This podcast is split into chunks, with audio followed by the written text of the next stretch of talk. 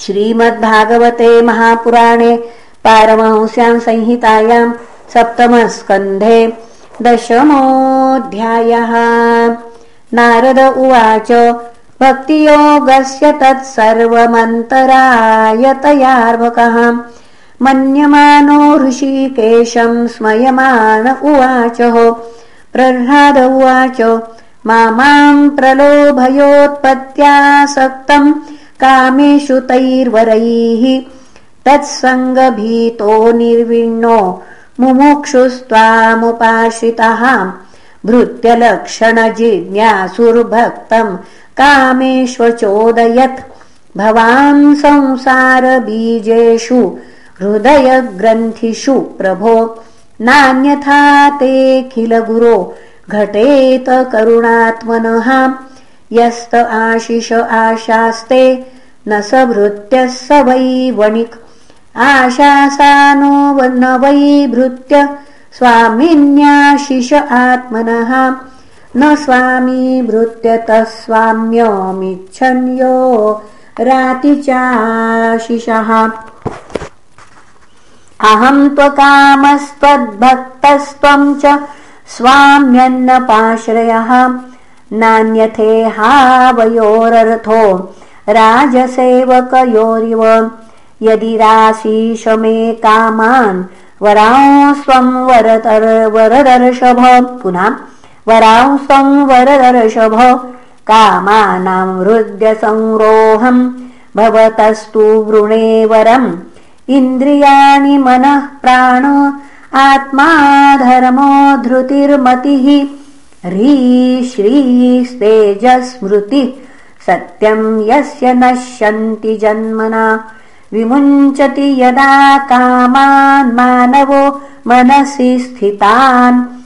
तर्ह्येव पुण्डरीकाक्षो भगवत्वाय कल्पते। नमो भगवते तुभ्यम् पुरुषाय महात्मने। हरयेद्भुतसिंहाय ब्रह्मणे परमात्मने। नृसिंह उवाच नैकान्तिनो मे मयि जात्विहाशिष आशासते मुत्र च ये भवद्विधाः। अथापि मन्वन्तरमेतदत्र दैतेश्वराणामनुभुंशभोगान् कथामदीयाजुषमाणः प्रियास्त्वमावेश्य मामात्मनि सन्तमेकम् सर्वेषु भूतेष्वधियज्ञमीशम् यजस्वयोगेन च कर्म हिन्वन् भोगेन पुण्यम् कुशलेन पापम् कलेवरम् कालजवेन हित्वा कीर्तिम् विशुद्धाम् सुरलोकगीताम् विताय मामेष्यसि मुक्तबन्धः य एतत्कीर्तयेन्मह्यम् त्वया गीतमिदम् नरः। त्वाम् च माम् च स्मरन् काले कर्मबन्धात् प्रमुच्यते। प्रह्लाद उवाच वरम् वरय एतत्ते वरदेशान्महेश्वर यदनिन्दत्पिता मे त्वामद्विद्वांस्तेज ऐश्वरम्। विद्धाममर्षाशयः साक्षात् सर्वलोकगुरुम् प्रभुम् भ्रातृहेति मृषा दृष्टिस्त्वद्भक्ते मयि चाघवान्। तस्मात् पिता मे पूयेत दुरन्ताद्दुस्तरादघात् पूतस्ते पाङ्गसन्दृष्टस्तदा। कृपणवत्सल। श्रीभगवानुवाच। त्रिसप्तभिः पिता पूत पितृभिः सह तेन घ। यत्साधस्य गृहे जातो भवान् वै कुलपावनः। यत्र यत्र च मद्भक्ता प्रशान्ता समदर्शिनः साधवः समुदाचारास्ते पूयन्त्यपि कीकटाः।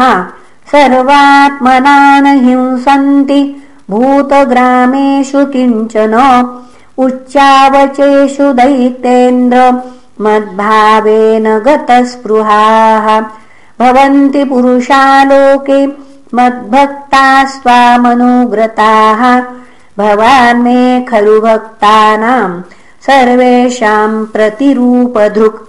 कुरु त्वम् प्रेतकार्याणि पितुः पूतस्य सर्वशः। मदङ्गस्पर्शनेनाङ्ग लोकान्यासति सुप्रजाः। पित्रम् च स्थानमातिष्ठ यथोक्तम् ब्रह्मवादिभिः। मय्यावेशमनस्तात् कुरु कर्माणि मत्परः नारद उवाच। प्रह्लादोऽपि तथा चक्रे पितुर्यत् साम्परायिकम्। यथाह भगवान् राजन्नभिषिक्तोऽधिजोतमैः। प्रसादसुमुखम् दृष्ट्वा ब्रह्मा नरहरिम् हरिम् स्तुत्वा वाग्भिः पवित्राभिः प्राहदेवादिभिर्वृतः। ब्रह्मोवाच देवदेवाखिलाध्यक्ष भूतभावन पूर्वज दिष्ट्या ते निहितः पापो लोकसन्तापनोऽसुरः। योऽसौ लब्धवरो मत्तो न वध्यो मम सृष्टिभिः। तपो योगबलोन्नद्ध समस्तनिगमानहन्। दिष्ट्यास्य तनय साधुर्महाभागवतोर्भकः। त्वया विमोचितो मृत्योर्दिष्ट्या त्वाम् समितोऽधुना। एतद्वपुस्ते भगवन् ध्यायत प्रयतात्मनः। सर्वतो गोप्तृसन्त्रास्तान् मृत्योरपि जिघांसतः। नृसिंह उवाच मैवम् वरोऽसुराणान्ते प्रदेयः परमसम्भव वरः क्रूरनिसर्गाणा महीनाममृतम् यथा। नारद उवाच इत्युक्त्वा भगवान् राजंस्तत्रैवान्तर्दधे हरिः। अदृश्यः सर्वभूतानाम् पूजितः परमेष्ठिनाम् ततः सम्पूज्य शिरसा ववन्दे परमेष्ठिनम्। भवम् प्रजापतिम् देवान् प्रह्लादो भगवत्कलाः। ततः काव्यादिभिः सार्धम् मुनिभिः कमलासनः। दैत्यानाम् दानवानाम् च प्रह्लादमकरोत्पत्तिम् प्रतिनन्द्य ततो देवाः प्रयुज्य परमाशिषः। स्वधामानि ययुराजन् ब्रह्माद्या प्रतिपूजिताः। एवम् तौ पार्षदौ विष्णोः पुत्रत्वम् प्रापितौ दितेः। हृदि स्थितेन हरिणा वैरभावेन तौ हतौ।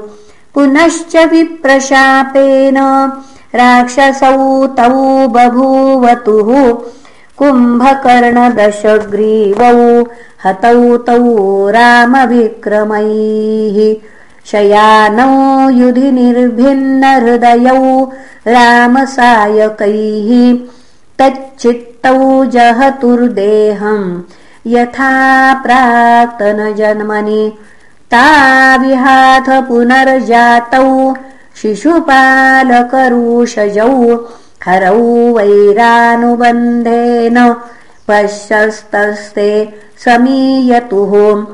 एनः पूर्वकृतम् यत्तद् राजानः कृष्णवैरिणः। जहुस्त्वन्ते तदात्मान कीटः पेशस्कृतो यथा।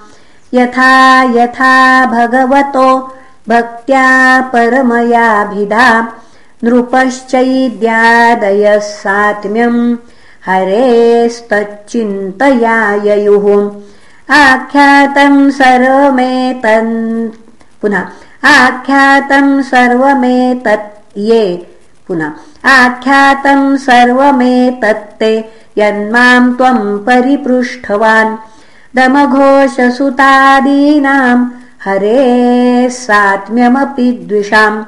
एषा ब्रह्मण्यदेवस्य कृष्णस्य च महात्मनः। अवतारकथाः पुण्या वधो यत्रादिदैत्ययोः। रर्घादस्यानुचरितम् महाभागवतस्य च भक्तिर्ज्ञानम् विरक्तिश्च याथात्म्यम् चास्य वै हरेः सर्गस्थित्यप्ययेषस्य गुणकर्मानुवर्णनम् परावरेषाम् स्थानानाम् कालेन व्यत्ययो महान्। धर्मो भागवतानाम् च भगवान्येन गम्यते आख्यानेऽस्मिन् समाम्नातमाध्यात्मिकमशेषतः य एतत् पुण्यमाख्यानम् विष्णोर्वीर्योपगृहीतम् कीर्तयेत् श्रद्धया श्रुत्वा कर्मपाशैर्विमुच्यते।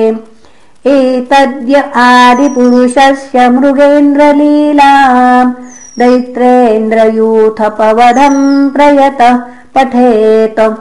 दैत्यात्मजस्य च सताम् प्रवरस्य पुण्यम् श्रुत्वानुभाव मकुतो भयमेति लोकम् यूयम् नृलोके बत भूरिभागा लोकम् पुनानामुनयोऽभियन्ति येषाम् गृहाना वसतीति साक्षात् गूढम् परम् ब्रह्म मनुष्यलिङ्गम् स वा अयम् ब्रह्म महद्विमृग्य कैवल्य निर्वाणसुखानुभूतिः। प्रियसुरुद्वः खलु मातुलेय आत्मार्हणीयो विधिकृद् गुरुश्च न यस्य साक्षाद्भवपद्मजादिभिरूपम् धिया वस्तुतयोपवर्णितम् मौनेन भक्त्योपशमेन पूजितः प्रसीदतामेष स सात्वताम् पतिः। स एष भगवान् राजन् व्यतनोर्विहतम् यशः।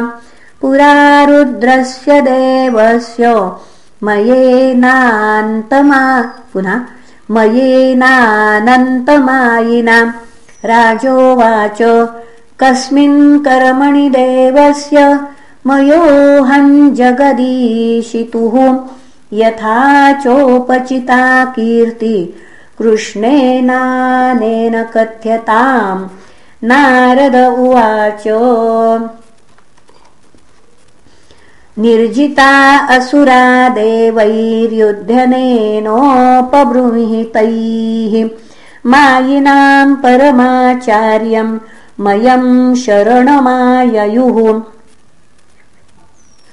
स निर्माय पुरस्तिस्त्रो हैमीरौप्यायसिर्विभुः दुर्लक्षापाय संयोगा दुर्वितर्क्यपरिच्छदाः ताभिस्ते सुरसेनान्यो लोकंस्त्रीन्सेश्वरान्नृपो स्मरन्तो नाशयाञ्चक्रुः पूर्ववैरमलक्षिताः।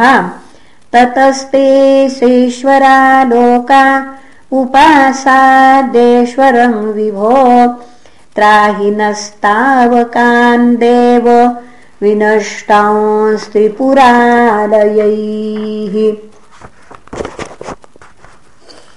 अथानुगृह्य भगवानात्मा अथा पुनः अना अथानुगृह्य भगवान् मा भैष्टेति सुरान् विभुः। शरम् धनुषि सन्धाय पुरेष्वस्त्रम् व्यमुञ्चतो ततोऽग्निवर्णा इषव उत्पेतुः सूर्यमण्डलात् यथा मयूखसन्दोहा नादृश्यन्त पुरो यतः। तैः स्पृष्टा व्यसवः सर्वे निपेतु स्म पुरौकसः। तानानीयमहायोगी मयः कूपरसे क्षिपत्।